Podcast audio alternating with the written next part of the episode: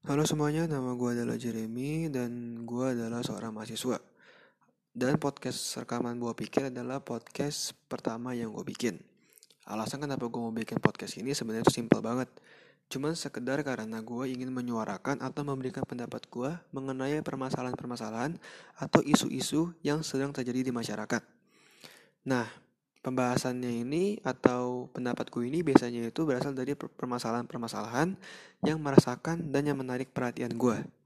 Ya, jadi singkatnya podcast ini cuma berisi uh, rangkuman dari pemikiran-pemikiran gue yang gue harapkan bisa memberikan point of view atau sudut pandang lain kepada kalian mengenai permasalahan yang gue bahas. Dan sebenarnya tidak ada jadwal tayang yang pasti untuk podcast ini. Jadi ya semoga kalian suka dan selamat mendengarkan.